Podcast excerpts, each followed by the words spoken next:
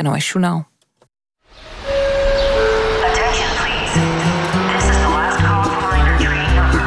Bureau Buitenland, Nachtexpress. En provenance de Paris-Montparnasse. Presentatie Abdou Bouzerda. Informiamo i viaggiatori che il treno regionale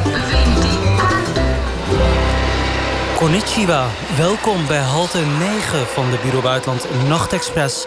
Het VPRO Radio 1-programma dat drie maanden lang elke week een stad mag bezoeken. Vanochtend zijn we in het Verre Oosten beland, waar het nu net iets over tien is in de ochtend. Met onze reisgids gaan we de Japanse hoofdstad verkennen, maar ook cultuur en literatuur komen langs. En we proberen de Japanse ziel te ontrafelen. Gelukkig is onze gast een echte kenner van het Aziatische land. Ze heeft er jarenlang gewoond en spreekt de taal. Met haar bedrijf Machi, wat stad betekent in het Japans, hoe toepasselijk, adviseert zij Nederlandse bedrijven over zaken doen in Azië. Haar naam is Mathilde Teube en met haar zijn we op halte 9, Tokio. Kombawa, Teuben-san en welkom in de Bureau Buitenland Nachtexpress. Kombawa. Goedenavond. Ja, is mijn uitspraak een beetje goed? Want Ja, je doseert dat, ook eh, Japans. Klopt, ja, nee, maar dit klonk prima. Kijk Ja. eens aan. Kijk eens aan. Het is ehm acht uur tijdsverschil met Tokio. Die geweldig grote metropool... waar we straks alles over, van, eh, over gaan horen van jou. Ehm, dat betekent dus ook dat er net een ochtendspits eh, voorbij is. Hoe ziet zo'n spits eruit in die stad? Ja, ochtendspits in Tokio. Of in elk geval, spits in Tokio is vooral heel, heel, heel erg veel mensen. Mhm. Ehm, ja, wat je zegt, het is een enorme metropool. Dus gewoon ontzettend veel mensen die eh, op pad zijn s ochtends. Eh, spits begint, hier, begint daar een beetje later dan we hier in Nederland gewend zijn. Dus inderdaad zo rond half tien, tien uur is dat ook echt voorbij. Maar ehm, nou, om een voorbeeld te geven, toen ik in Tokio woonde... eh, ging ik elke ochtend met de metro naar, naar mijn werk toe, waar ik destijds werkte.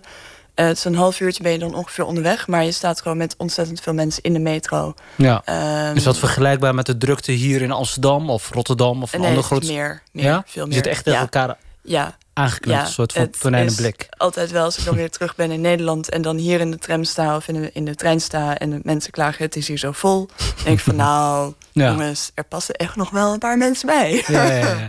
En ehm, is het zo dat iedereen zich aan de regels houdt? Ja, ja heel sterk. Eh, mensen staan netjes in een, in een rij voor op het precieze punt op het perron waar de deuren open gaan. Ehm, het, je moet echt niet bedenken dat je even voor de rij langs kan om, eh, ja, zoals het hier in Nederland voor de treindeuren gaat. Nat dan. Eh, nee, zeker niet. Nee. Ja. Je En zijn er niet toch van die stiekeme Japanse stoutrekken die toch schuim masseren? Nee. nou, ja, ehm, zelden. En als dat iemand dat doet, dan is dat vaak een buitenlander. Oh, Dus dan denk ik van, oh, je heeft het dan weer niet begrepen. en als je als Japaner dat doet of als buitenlander, word je dan aangesproken door andere Japanners? Nee, je wordt niet actief aangesproken op de fouten die je maakt... of de dingen die niet geaccepteerd zijn... maar je wordt wel echt raar aangekeken. Als blikken kunnen doden Eh, dan? ja, eh, ja, dat, ehm, ja, het is gewoon niet... eh, je merkt snel genoeg dat dat niet is hoe je je behoort te gedragen. ja. Ja. Je, je hebt Japans gestudeerd. Ja, ehm, in Leiden, geloof Ja, ik. inderdaad. Ehm, maar je hebt ook in Japan gewoond. Waar heb je allemaal gewoond in Japan? Eh, ik heb eh, op een aantal plekken in Japan gewoond. Eén jaar helemaal in het zuiden, in, Nagas- in de provincie Nagasaki, in een klein dorpje. Later ook een jaar in Osaka. Hm. Ook een hele grote stad in Japan natuurlijk. En, en ook een tijdje in Tokio. Ja. Ja. En toen je daar kwam met je school Japans, wat je, waar je hard voor had moeten blokken hier Ja. in Nederland. Hoe ging dat? Kon je je gelijk redden? Nee, eh, totaal niet. Totaal Eh, niet. nee. nee, de eerste keer dat ik in Japan kwam was eh, ook in het tweede jaar van mijn studie. Ik had een jaar hier in Nederland eh, gestudeerd. Vooral heel veel taal. En dan kom je in Japan eh, en dan denk je van nou, hè, ik heb mijn propenduizen gehaald in Leiden. Dat moet toch goed gaan. En dan gaat het eigenlijk altijd, dan gaat het gewoon mis. Dan denk je van oké, wacht even, ik versta er niks van. Ik kan niks zeggen. Wat is er gebeurd met het eerste jaar dat ik zo hard heb geleerd?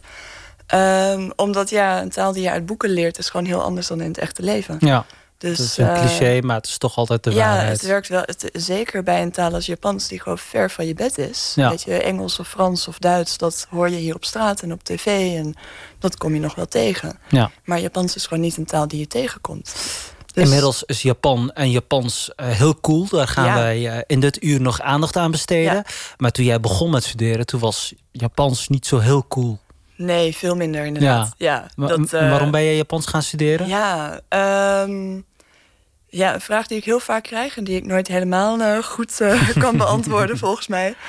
Ehm, het leek me een, eh, een heel bijzonder, interessant en ook een beetje een mystiek land. Dus ik wilde daar heel graag meer van weten. Ja. Ehm, ik wilde in elk geval iets doen met buitenlandse talen en culturen. Ik wist niet zo goed wat ik wilde doen na mijn VWO.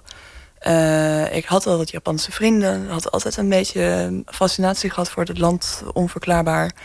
Dus ik dacht van nou, waarom ook niet? Laten we het gewoon gaan proberen. Lijkt me leuk. Ik kan beter iets studeren wat je leuk vindt dan, nou ja, dan zien we wel wat het wordt. Eh, en bij deze studie had je het vooruitzicht dat je, als het goed ging, dus dat tweede jaar naar Japan zou gaan. Dan dacht ik van, nou, dat vind ik ook best een goed idee. Dat Dat klinkt is best eh, goed. leuk, ja. Ehm, dus eh, op, zo, op die manier eh, in Leiden begonnen. En Ja. eh, nou ja, uiteindelijk is dat veel beter en veel verder gegaan dan ik destijds had verwacht. En je zegt dat je in Osaka en Nagasaki en Tokio hebt gewoond. En waar gaat je hart sneller van kloppen? Ja, heel eerlijk gezegd, vooral van Osaka. Echt waar? Ja, En waarom? Ja, Ehm, ja het is. ehm, het is wel grappig. De allereerste keer dat ik in Osaka kwam, eh, was in het jaar dat ik in Nagasaki woonde. Ik was op vakantie en ik eh, reisde twee weken door Japan heen. En ik had wat tijd over en ik was een middag in Osaka. En ik vond de stad echt verschrikkelijk. Het was chaotisch, ik kon mijn weg niet vinden. Het was, ik wist niet waar ik naartoe moest. Eh, Osaka is ook niet echt een toeristenstad. Dus het heeft niet hele expliciete locaties waar je als toerist naartoe moet. Nou, ik vond het verschrikkelijk. Ja. En ehm, een paar jaar later, eh, twee jaar later, eh, deed ik mee aan een selectieprocedure voor een, een beurs om te nog een jaar te studeren in Japan, hier in Leiden. Vanuit de universiteit werd dat gedaan. En toen kreeg ik het goede nieuws dat ik die beurs had gekregen. En dat ik een jaar naar Osaka zou gaan. Zo, oh nee, wacht even, dit is niet. Waarom naar Osaka? Ehm, maar Osaka is een leefstad en een woonstad en geen toeristenstad. Ja. En als, ja... Ik, nou ja, Je leert wel de echte Japanners kennen. eh, ja, eh, ja, dat is. eh, de- er zit dynamiek in die stad. Het ligt in een regio van Japan waar gewoon heel veel diversiteit is en heel veel afwisseling en heel veel te doen is. En eh, ja, ik vond het geweldig. Ja. Maar goed, daarna heb ik natuurlijk ook in Tokio gewoond Ja. eh, en daar veel geweest. Mhm. Eh, wat op een hele andere manier een hele bijzondere stad is. Nou, dus juist voor vanavond wel leuk om het daarover te hebben. Zeker. Ehm, inmiddels ben je afgestudeerd en je bent Japanologe. Je hebt dus een eigen consultancy Ja. bureau, Mhm. Machi. Je adviseert dus Nederlandse bedrijven. Wat is de belangrijkste tip die je hebt aan Nederlandse ondernemers... die op bezoek gaan naar Tokio of ieder ander Japanse stad? Ja, ik denk eh, als je als bedrijf erover na, ja, in Japan zaken wil gaan doen, dan ehm, het belangrijkste. Er komen een heleboel dingen op, maar ehm, ik denk ehm, je toch eh, geduld hebben en je verdiepen in dat land. Ja. Je moet er niet van uitgaan dat wanneer je denkt van hé, hey, eh, Japan biedt kansen voor mijn product. Eh, we gaan naar een beurs toe, we gaan op reis en in één reis is het, eh, is het geregeld. Je moet er echt vaker naartoe. Je moet mensen leren kennen, je moet investeren in die relatie. Eh, dat kost tijd. Eh, dat vraagt dus geduld ook. Maar ja, dat is wel echt een heel boeiend avontuur om dat aan te gaan. Ja. Ja. En je kunt ze in de toekomst ehm, deze uitzending opsturen. Dan eh, weten ze gelijk eh, Ja. hoe en wat Nou, over dit Tokio. is al een goede eerste stap. Ja. Fijn dat je onze reisgids wilt zijn de komende twee uren in Tokio. Met jou gaan we deze grote metropool leren kennen. Maar we hebben ook contact met de Japanse hoofdstad over kunst en cultuur. En we hebben een interview met een mangaka. Ehm, dat is een manga-artiest. En we hebben muziek. Het eerste nummer is op jou aanraden. Dat is van de band One OK Rock. We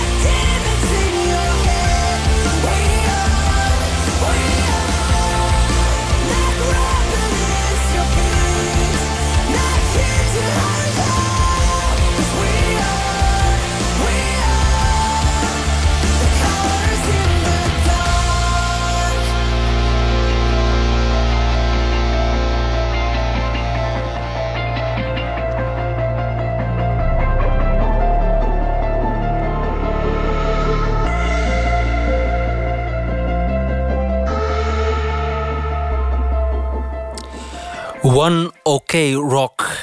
Dat is een nummer eh, dat jij ons eh, hebt toegestuurd, eh, Mathilde Teube. Ehm, hoe populair is eh, deze band in Japan? Eh, ja, deze band werd inderdaad mij getipt door een vriendin van ja, dit is op dit moment eh, gewoon een, een hele populaire band met eh, grote hits en eh, staat in de top eh, in de hitlijsten.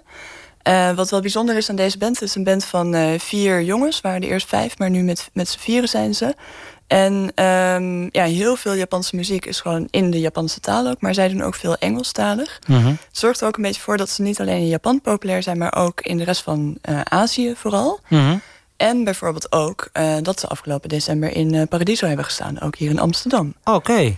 Ja. Dus ja, zo zie je dat eh, Japanse muziek eh, niet alleen in Japan eh en het klinkt ook nog eens heel zijn. goed. En is een Precies. jongensband. Betekent dat, eh, dat ze in Japan ook die tafereelen kennen... die wij hier in Nederland kennen van al die meisjes... die dan bijna flauw vallen als ze voorbij ja, komen ik lopen? vermoed van wel. Ja, ik vermoed van wel. Dat, dat soort foto's heb ik bij deze band zelf niet gezien. Maar ja, Japan is wel zo'n land waar dat absoluut voorkomt. Ja. En waar echt jongensbands of boybands jarenlang echt super populair kunnen zijn. Ja. Eh, de andere kant op zie je dat ook met van die, die meisjesgroepen, van die idols, waar eh, de mannen dus eh, ja, helemaal hysterisch van worden. En alleen jonge mannen of ook oudere mannen? Ook oudere mannen. Ja. Ja, ja, echt de mannen, 40, 50-jarige mannen in pak... die helemaal idolaat zijn van, en we hebben het over J-pop, hè?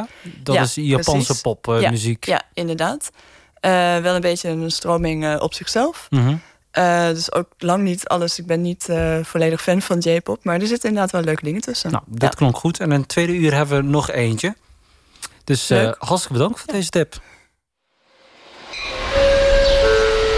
Bureau Buitenland Nachtexpress met Abdou Bouzerda. En we zijn in de stad Tokio, of misschien moet ik wel zeggen steden. De grootste metropool ter wereld is verdeeld in meer dan 20 bestuursdistricten. Onze reisgids Japanoloog Mathilde Teube heeft er gewoond. Mathilde, het is echt gigantisch, hè, Tokio? Ja, ja, Ja. absoluut. Ja, ongelooflijk. En eh, waar heb jij gezeten gedurende je verblijf in Tokio? Eh, ik heb een tijdje in, ehm, in een deel van de stad gewoond wat eh, Gokokuji heet. En dat ligt een beetje ja, naar het noorden van de stad, noordwest een beetje. En vooral in de buurt bij het grote deel Ikebukuro. Eh, dat eh, zegt sommige mensen misschien wel wat. Ehm, Mij niet. Nee, inderdaad. Maar eh, het, het is ook. Ja, in Nederland denk je aan een stad van nou, dat is gewoon één stad. En dat heeft één centrum en misschien nog ergens een buitenwijk wat leuk Ja. is. En Tokio werkt gewoon niet zo. Nee. Weet je, als je naar. Je hebt verschillende centra. ja, ja, absoluut. Als je naar het Centraal Station Tokio gaat, dan, ja, dan stap je naar buiten en dan sta je in het Business District. Maar dat is niet het centrum van de stad. Ehm, dus je ziet dat. En, en elke, elk ander stadscentrum eigenlijk, Shinjuku of Shibuya of Harajuku of Ginza of, Mhm. nou, en Ikebukuro is daar ook een van. eh, heeft echt zijn eigen sfeer en zijn eigen Karakter. stijl en eigen Ja. karakter. En Ja. waar jij gewoond hebt, wat voor een district is dat? Ehm, nou, het, het deel Gokokuji waar ik eh, zelf heb gewoond, dat is echt ehm, ja, wat een stuk minder stads eigenlijk. Ondanks dat het dus midden in zo'n stad zit, maar wat meer laagbouw, eh, echt meer een woonwijk. Ehm, dus wel dichtbij Ikebukuro, wat Ehm, een beetje, ik ken het vooral omdat een, eh, een goede vriendin van mij eh, vlak daarbij in de buurt woonde. Of haar familie woonde daarbij in de buurt. Dus het was voor hun echt de, de ingang naar de grote stad Tokio toe. En er komen heel veel lijn- treinlijnen bij elkaar die de rest van de regio ingaan. Ja. Eh, Ikebukuro is ja, eh, hoge gebouwen, grote shoppingmalls. Ehm, en dat is eigenlijk wel typerend voor elk deel van de stad. Eigenlijk. Eh, en is het ook zo dat ehm, eh, de juppen, de wat rijkere Japanners of de wat armere Japanners allemaal in aparte districten zitten?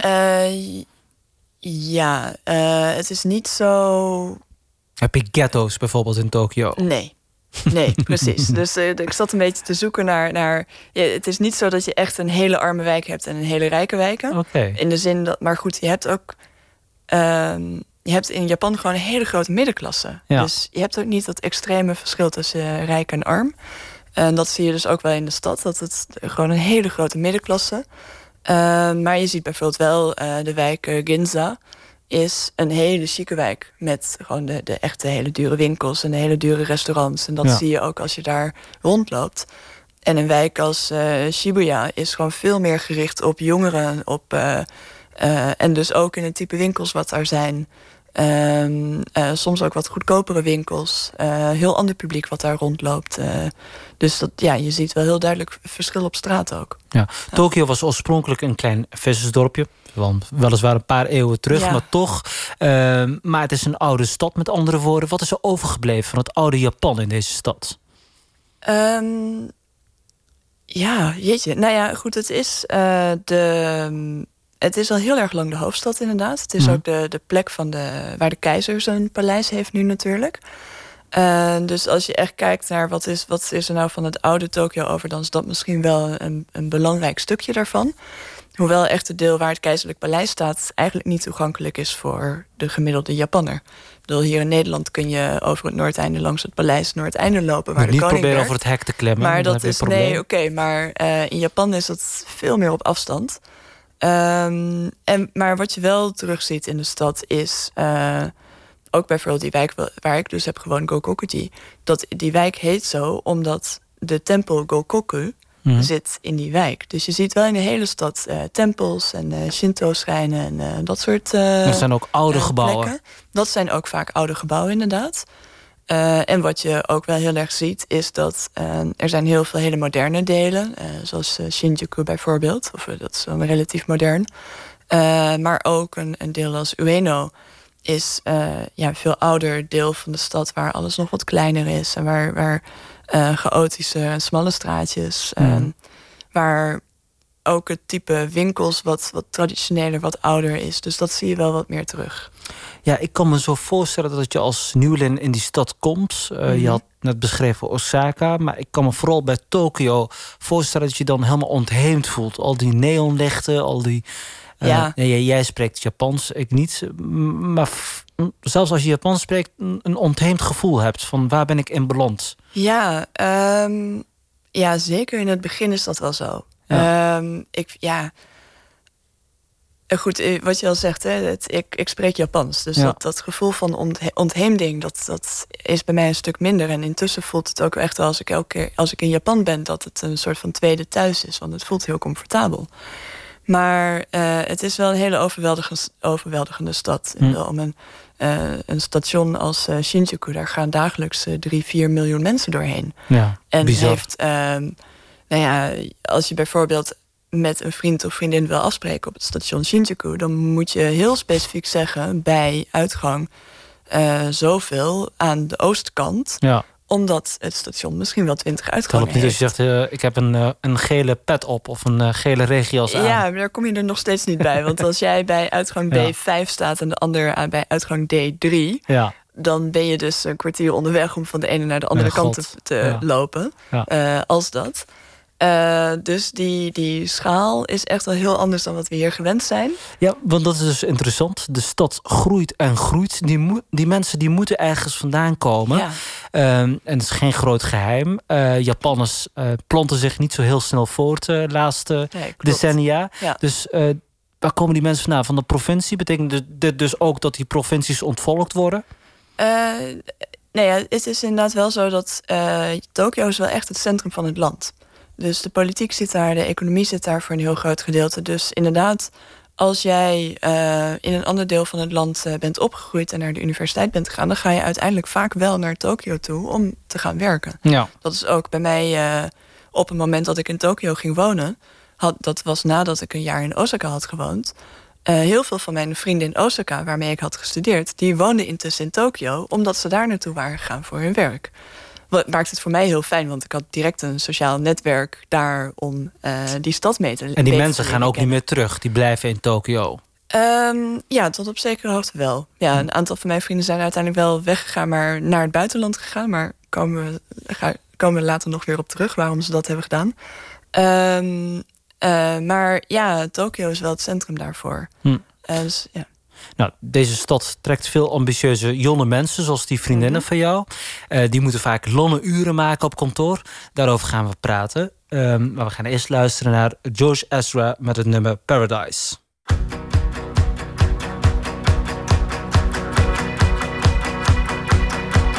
My love. My lover, lover, lover, I'm in paradise whenever I'm with you. My mind. My, my, my, my, my mind, well, it's a paradise whenever I'm with you. Ride on. Well, I will ride on down the road, I will find you, I will hold you, I'll be there. It's long. Well, it's a mighty long road, but I'll find you, I will hold you, and I'll be there. I know you heard it from those other boys, but this time real. It's something that I feel it. Those other boys, but this time it's real. It's something that I feel it. If it feels like paradise running through your bloody veins, you know it's love heading your way. If it feels like paradise running through your bloody veins, you know it's love heading your way. My time. My time, well, it's a never ending helter skelter. We'll be out whatever the weather. My heart, my boom, boom, heart, it's a beat and it's a thumping, and I'm alive. I know you heard it from those other boys, but this time real. It's something that I feel it. I know you heard it from those other boys, but this time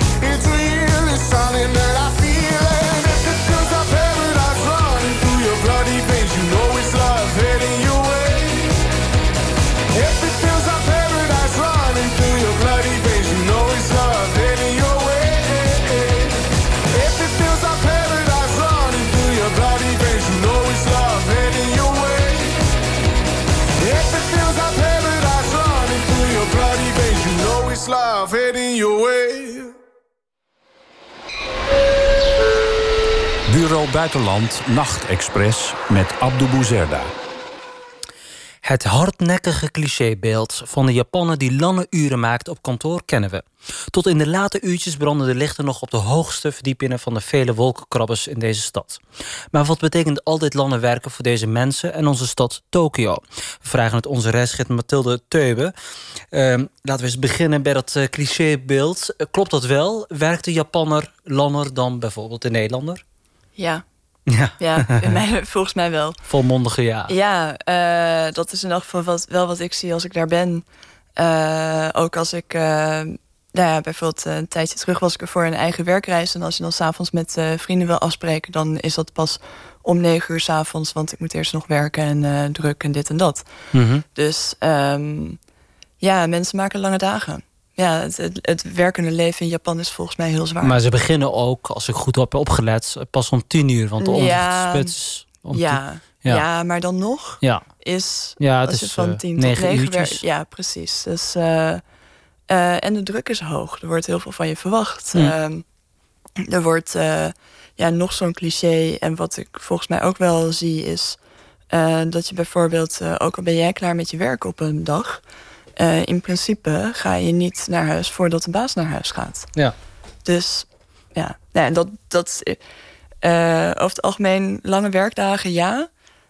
Ik denk wel dat we hier in Nederland meer gedaan krijgen in de tijd die we werken. Daar wil ik, daar wil ik zoiets over vragen. Maar, ehm, en ik snap dat het natuurlijk cultureel is. Ehm, heel veel dingen zijn cultureel. Maar waarom eh, is dat zo bij de Japanners dat ze dan eh, zo die de prestatiedruk voelen en lang op hun werkplek blijven zitten? Ja, er is wel een, een maatschappelijke verwachting dat ehm, het bedrijf waarvoor je werkt, dat is eh, voor een heel belangrijk deel ook deel van jouw identiteit, om het maar zo even te zeggen. Hm. Eh, komt ook wel een beetje. Eerder was het ook van op het moment dat je ergens gaat werken, dan ben je de rest van je leven verzekerd van die baan daar. Ja. Eh, dus het bedrijf vraagt veel loyaliteit van zijn mensen. Vraagt eh, dus ook hè, veel, veel van je tijd. Dat het bedrijf op de eerste, eh, je werk op de eerste plaats komt af en toe. Soms nog wel meer dan je gezin bijvoorbeeld. Ehm, dat zijn wel dingen die nu wel langzamerhand beginnen te veranderen. En zeker ook nu ook dat stukje eh, van binnenkomst tot aan je pensioen bij een bedrijf werken. Dat is veel, veel minder Of intussen. de Japaner doet aan jobhoppen. Eh, ja, noodgedwongen soms ook wel. Omdat het voor bedrijven ook gewoon niet meer haalbaar was om al die mensen in dienst te houden. Ja. Ehm, maar dus je, je ziet daar eh, ja, die maatschappelijke verwachting wel dat het werk gewoon heel erg belangrijk is. Eh, dat eh, dat ook hoort bij wat men ziet als succesvol, een succesvol leven. Ehm, dat ja, en, op het moment dat je daar niet aan voldoet, dan val je een beetje buiten de boot en buiten het systeem. Je sneed het net al aan, de arbeidsproductiviteit. Landenwerk is één ding, maar wordt er ook harder gewerkt? Ja, de- eh, ik denk van niet. Ik denk van niet. Eh, maar goed, dat gezegd hebbende heb ik natuurlijk maar op een beperkt aantal plekken zelf gewerkt in Japan. En dat waren ook hele typische plekken. Eh, Geen, geen, Wat bijvoorbeeld? nou, ik heb ehm, eh, in de periode bijvoorbeeld dat ik in Nagasaki woonde, had ik een, als onderdeel van het programma waarmee ik daar was, had ik een bijbaantje in een, in een winkel eh, waar gewoon ontzettend veel eh, mensen werkten. Waar eigenlijk heel weinig klanten kwamen. Dus we waren vooral dingen in de winkel aan het rechtzetten en zorgden dat het allemaal netjes Wat uitzag. verkochten jullie daar? Eh, we verkochten teddyberen. Ja. Dus je was de hele dag Ja. teddybeer aan het recht Ja. zetten. Ja. Ja. En dacht jij niet met je nuchtere Nederlandse, Hollandse kop van... ik ga wel even wat anders doen, want dit... dit ja, eh, maar ja, ik moest daar gewoon zijn de hele dag. ja. En net als mijn collega's. Er werd dus niet gezegd van... nou jongens, het is rustig. Ga maar een keer vroeg naar huis. ja. Dus, nee, en dat is dan één voorbeeld. En, en, maar ehm, eh, ja, ik, ik denk ook dat het ook gewoon... eh, je productiviteit niet ten goede komt... als je van je mensen verwacht om elke dag tot negen uur of tien uur... s'avonds aan het werk te zijn. ja. En de volgende dag weer en de volgende dag weer. Ehm, Wat, wat betekent dit namelijk voor een gezin als eh, eh, papa, Mhm. de mama's, daar wil ik ook wel later over praten. Maar eh, ik heb het gevoel dat met name papa's zijn en Ja. met stropdas die eh, Ja. bijna de hele dag weg zijn. Wat, Ja. wat betekent het? Wat doet dit met een gezinssituatie? Ehm, nou ja, dat, dat die werkverdeling in een gezin heel, heel scheef is. In die zin dat, dat inderdaad over het algemeen... ja, het- weer cliché, maar ik, ik vind zelf Japan ook best een heel conservatief land. Dus er heel veel van die traditionele verhoudingen zijn er ook nog steeds Wij wel. denken vaak dat het is een vrij westers land. Ja, nou, op het eerste oog ziet het er vrij westers uit. Al die neonlichten, Ja, er komen heel veel high-tech producten daar maar, vandaan. maar dat is ook wel, dat is ook waarom ik Japan zo fascinerend vind. En dat is denk ik ook waarom het voor heel veel mensen zo'n aantrekking heeft. Want op het eerste oog kom je in Japan aan, en we hadden het net al even over het overweldigende. Je denkt van wauw, wat is dit voor moderne, eh, bijzondere stad en wat gebeurt hier allemaal? En, en westers, het lijkt op wat wij kennen. Maar dan ga je een laag daaronder en dan is het totaal anders. Hm. Dus ik denk in die zin dat, dat Japan eh, veel verder van onze cultuur afstaat dan bijvoorbeeld eh, China of een ander Aziatisch land. Want dat is op het eerste oog al anders. En Japan, op het eerste oog lijkt dat eigenlijk wel een beetje. Ehm, maar ja, eh, dat was niet het antwoord op de vraag die je net stelde. Nou ja, die, die, die tegenstrijdigheid in het land. Ehm, ehm, iets anders wat ook opvalt aan eh, berichten vanuit Japan... is dat eh, het land een hoge zelfmoordcijfer kent. Met name Ja. onder mannen. Ja. Heeft het ook met deze werkdruk te maken... en die prestatiedruk in de samenleving? Ja, ik denk het wel. Ja, Eh, want het is echt inderdaad. gigantisch veel. Ik las eh, Ja. berichten, ik heb niet kunnen factchecken... maar wel 70 zelfmoorden per dag. Ja, uh, zelfmoordcijfer is hoog. Inderdaad onder mannen, maar ook onder jongeren veel. Hm. Ehm, en ehm, eh, ja, de Japanse maatschappij is, eh, kan heel zwaar zijn. Ja. Ehm, inderdaad binnen bedrijfsleven. Dus ja, jaren, er is bijvoorbeeld ook een woord voor dood door overwerk. Oh? karoshi. Karoshi. Ja, dus dat, dat je dan inderdaad nou ja, overlijdt. Omdat je gewoon vanuit de stress van het, het vele overwerken... Uh, Dat daar een woord voor bestaat, hm. is wel een beetje bizar. Ja. Um, maar inderdaad, die, de, de hoge prestatiedruk uh, is, leeft bijvoorbeeld bij jongeren ook. Dat je al vanaf het moment dat je op de basisschool zit, moet jij gewoon heel erg goed presteren op allerlei toetsen en testen om op de beste school, vervolgschool te komen, om op de beste universiteit te komen. Uh, want dat zorgt er dan voor dat jij zo goed mogelijk uh, verder kunt in de maatschappij. Ja. Uh, dus dat betekent ook dat jongeren ja, verhalen over dat jongeren, als je op de middelbare school zit, dan nadat je van met school klaar bent, smiddags, dan ga je door naar de bijspijkerscholen en de, de cram schools, waar je gewoon nog eens een keer een aantal uur gaat werken... Hm. om je toelatingsexamens voor de Op universiteit Op het moment dat je geboren bent en naar school gaat... Ja. is er continu die prestatiedruk ja. tot aan je pensioen. Ja, ja. ja een, uh, een vriendin van mij in Japan, zij is Brits... maar zij is getrouwd met een Japanner. Uh, haar zoon staat nu op het punt om die overstap te maken... van de basisschool naar de middelbare school... Uh, zij heeft nu besloten om hem te gaan homeschoolen. Dus zelf thuis uh, nou ja, les te gaan geven. Mm -hmm omdat zij hem niet in dit systeem wil zetten. Ja, bizar. We gaan uh, zo uh, verder praten. Mm -hmm. Nu eerst John Mayer met het nummer Changing.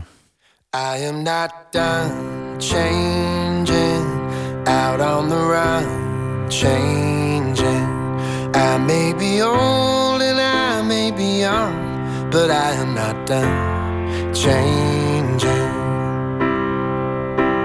I met me someone changing. We had some fun changing. Sometimes I wonder if she'll be the one when I am done changing.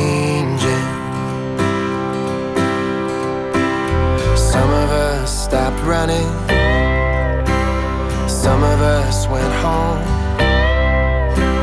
Some of us don't got one. So we'll build one of our own. Friends behind their fences, looking at me strange. Wondering when I'm gonna come to my senses, but I'm still changing,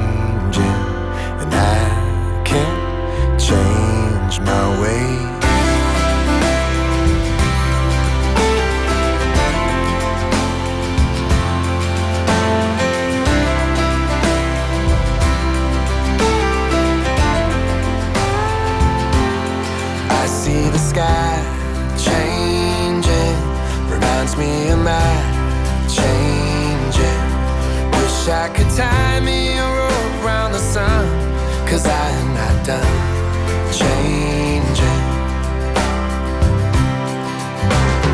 Time's been talking to me, whispering in my ear, saying, Follow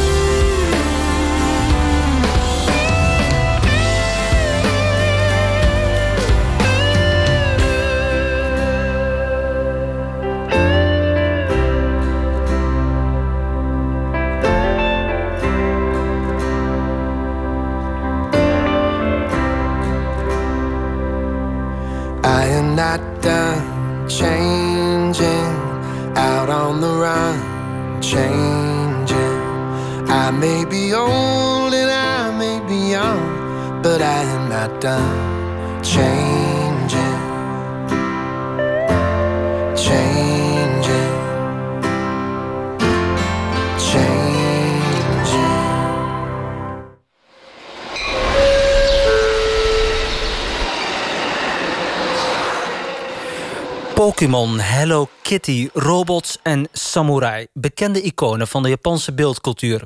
Japan is hipper dan ooit. Museum Volkenkunde in Leiden wijde het daarom afgelopen jaar een tentoonstelling aan. Cool Japan. Verslaggever Edwin Koopman bezocht de expositie met samensteller Rick Herder. Een reportage.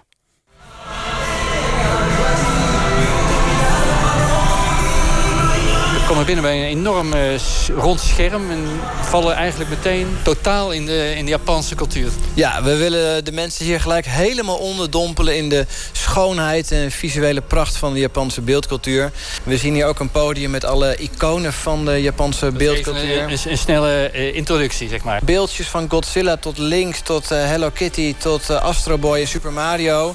Even de setting, de scene voor eh, waar zijn we? Nou, we zijn hier wel echt in het Japanse popcultuurland. Eh, Rick Herder, tentoonstelling over eh, Japan. Waarom Japan?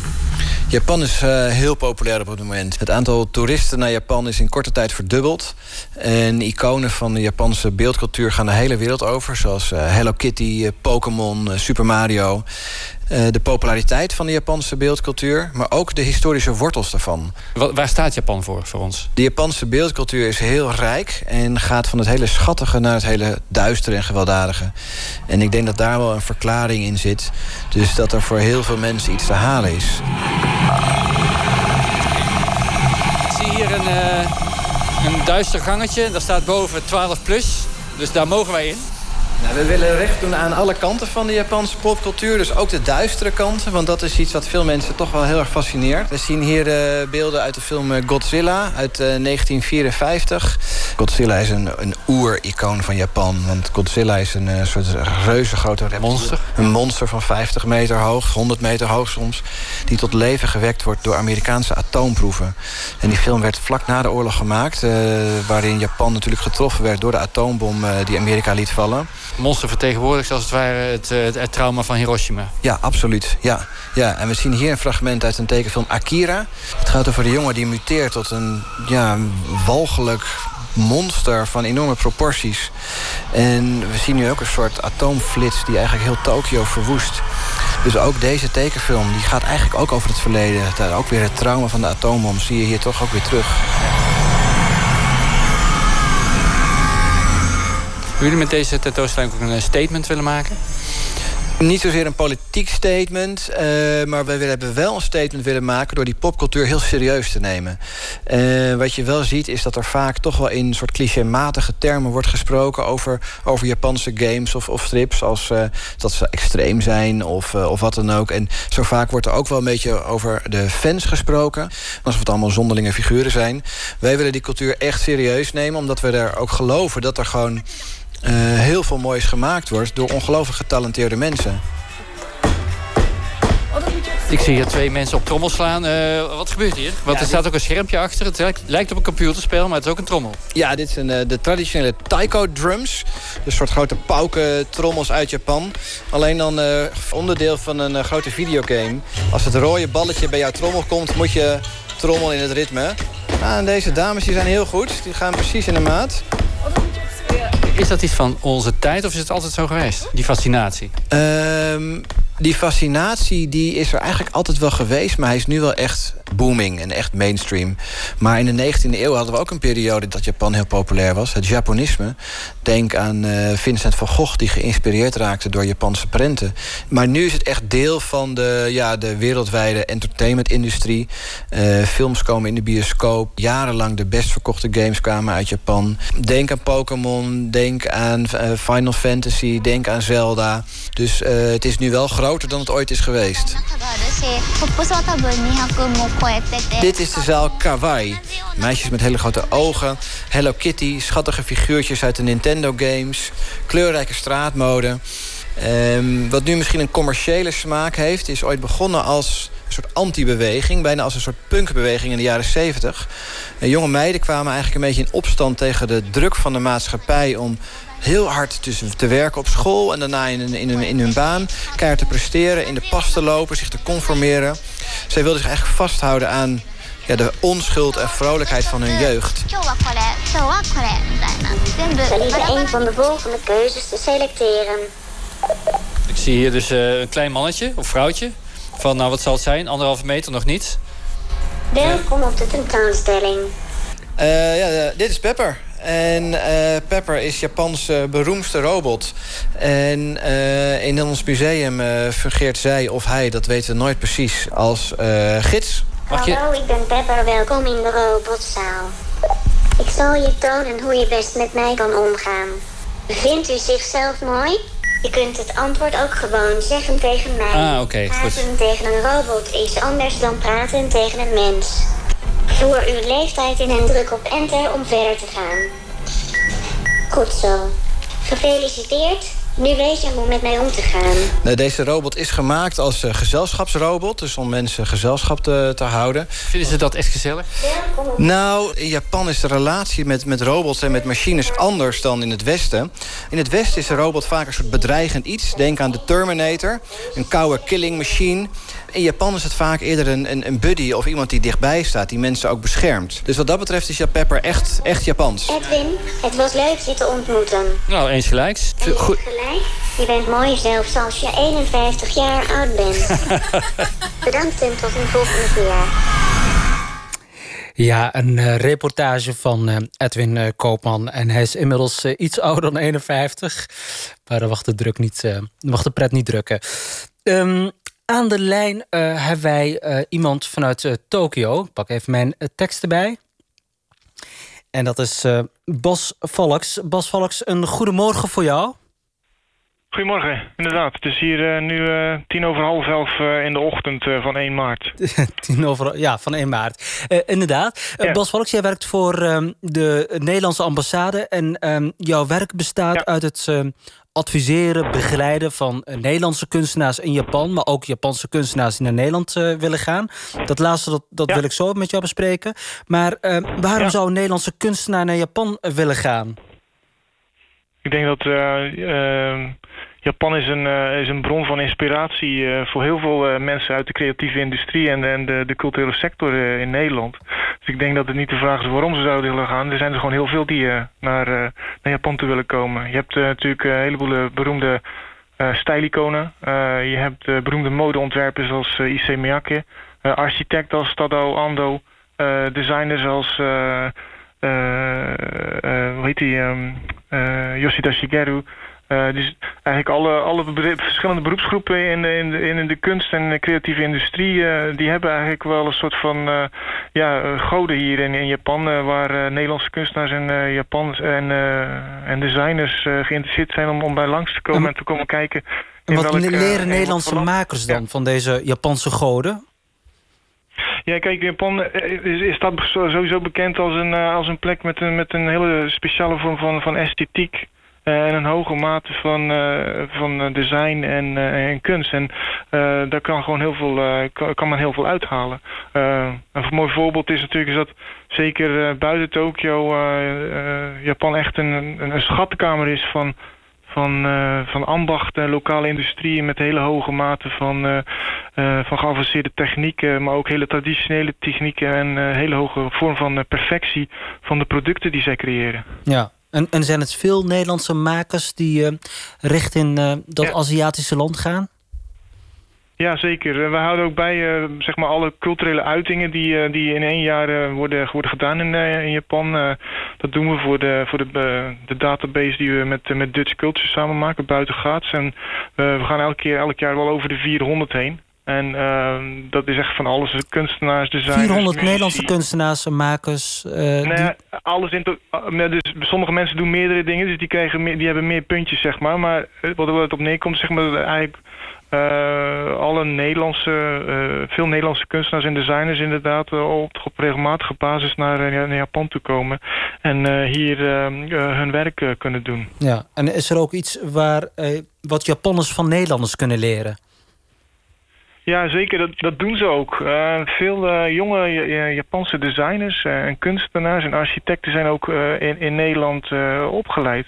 Eh, bijvoorbeeld Design Academy Eindhoven. Eh, je hebt de uh, architecten die zijn afgestudeerd in, in Delft. Eh, mensen gaan naar Rietveld, naar de Jan van Eyck Academie. Eh, de dansers, eh, contemporary dansers die in het Nederlands Danstheater zijn, eh, eh, zijn opgeleid. Eh, toevallig was ik gisteren nog bij, bij een uitvoering van, van Emma Yuasa. Dat is een eh, Japanse, jonge Japanse contemporary danser die, die in Nederland is opge, opge, opgeleid. En in, die mensen zijn ook hartstikke... Ja, die voelen zich ook een beetje schatplichtig aan wat ze in Nederland hebben geleerd. En, en via hen eh, proberen we ook eh, nog meer eh, Nederlandse of kunstenaars en, en makers uit Nederland naar Japan toe te krijgen. Ja, en jij zit in Tokio. Hoe ehm, doet Tokio het als het gaat om kunst? Is het ook het epicentrum van Japan als het gaat om kunst en cultuur?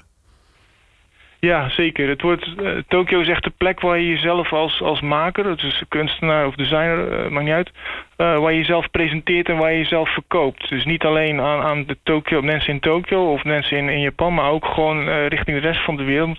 Zeker de landen in Azië kijken echt naar, naar Japan als het gaat om hedendaagse cultuur. Het is wat, echt, wat dat betreft echt een gidsland in, in, die, in, die, in die sector. Ja, en, ehm, en als we in Tokio zijn, waar moeten we dan precies zijn om ehm, kunst te gaan opsnuiven? Zijn er eh, musea Ja. waarvan jij zegt van nou, dan moet je echt naartoe gaan als je in deze stad bent?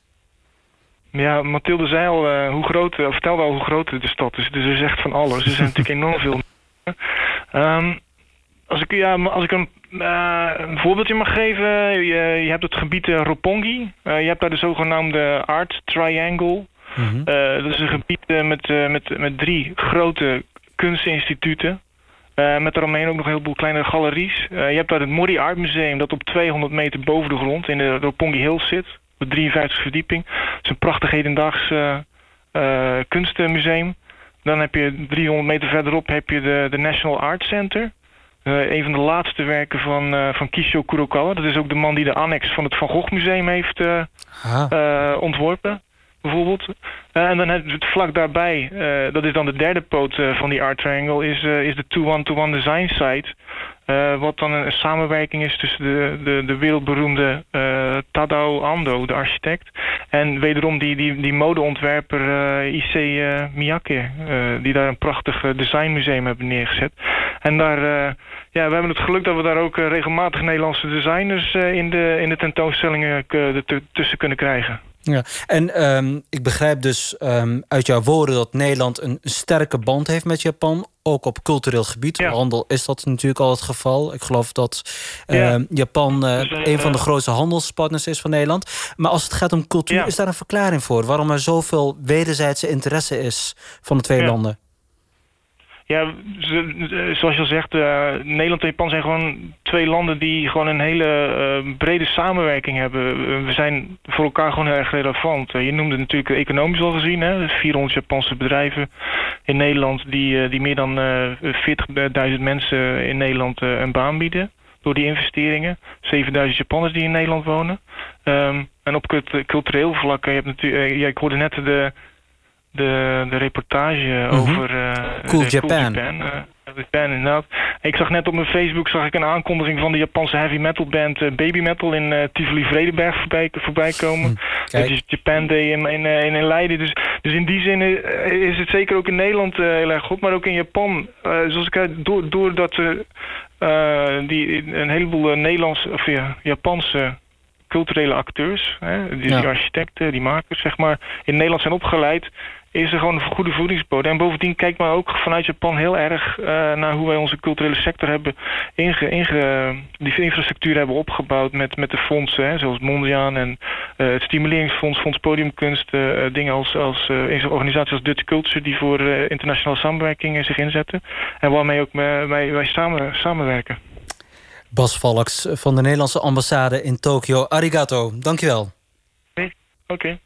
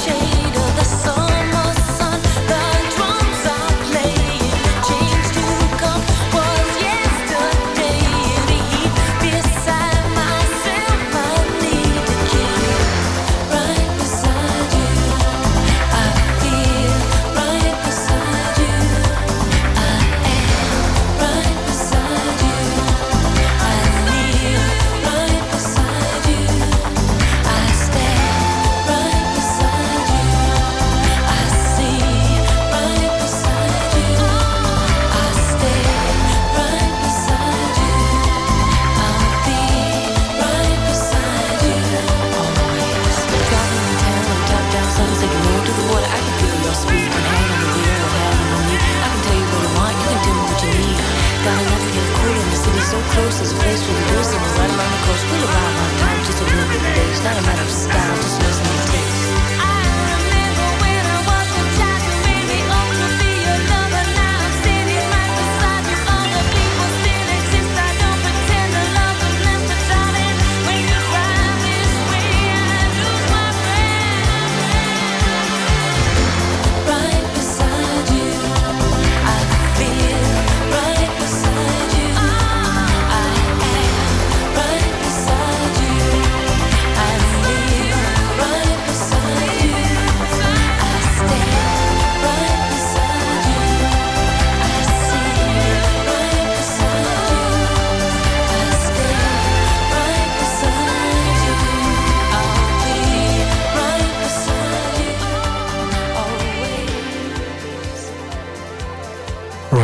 Beside You van Sophie B. Hawkins.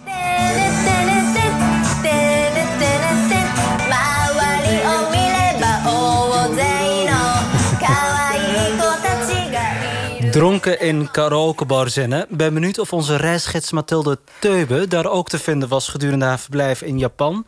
Mathilde, eh, is dat het geval? Ja, dat is misschien wel eens voorgekomen, ja. Ja, je kunt niet anders, hè? Dat is gewoon cultuur. Ja, precies. Je moest integreren. Dat, eh, daarom. Ja. Het hoort bij Japan. Ik was daar om Japan en de Japanse cultuur te bestuderen en de Japanse taal. En karaoke is dan toch wel een goede manier om dat te doen. Ja, en ehm, dat beeld van die hardwerkende Japanners die dan aan het einde van de dag, dus om 9 uur, 10 uur, eh, eh, ook dat is een cliché, maar is dat ook waar? Ja, ook dat komt voor. Ja, Ja, ja. ja. dat je na het werk met je collega's eh, nog wat gaat eten en drinken en dan naar de karaokebar gaat, dat komt voor. Ja. Ja, absoluut. En hoe, Ja. hoe ehm, is het echt een instituut binnen het Japanse cultuur? Kunnen we zo ver gaan door het op die manier neer te zetten? Ja, ik denk het wel. Maar het is wel. Karaoke in Japan is wel echt anders dan wat we dan karaoke hier in Nederland. Hm. Dus het is niet een bar waar jij op het podium staat met een heleboel onbekende mensen voor je. Je hebt gewoon één afgesloten ruimte voor jou, misschien net zo groot als deze. Nou, nee, de helft van deze studio. Eh, met eh, dus een, een kleine kamer waar jij met alleen jouw vrienden zit, alleen jouw nummers zingt. Geen last van andere mensen die je niet kent. Dus het is vooral gewoon een leuke avond uit met vrienden. Ja, en veel sake drinken. En dat kan of bier of chuhai of nou ja, wat je wil. Keuze genoeg. Ja. Bureau Buitenland Nachtexpress met Abdou Bouzerda. En dit was het eerste uur van de Bureau Buitenland Nachtexpress halte 9 in Tokio. De podcastlijst van onze eh, programma, de Bureau Buitenland Nachtexpress, begint indrukwekkend land te worden. Vergeet niet ons programma te downloaden op uw iTunes of uw Android-app. U kunt eh, bijvoorbeeld onze muzikale tocht van afgelopen week in Buenos Aires terugluisteren of horen waarom Warschau de place to be is voor kunstenaars in Europa. Mathilde Teube, heb jij iets met manga? Eh, een klein beetje. Een klein beetje. Een klein beetje. Oké. Misschien eh, weet straks um, Jonjon Mutsuyaka jou te overtuigen. In het tweede uur gaan we met hem praten namelijk. En uh, hij gaat ons helemaal bijpraten over deze vertelkunst. Want dat is het eigenlijk. Dit en veel meer. Nu eerst het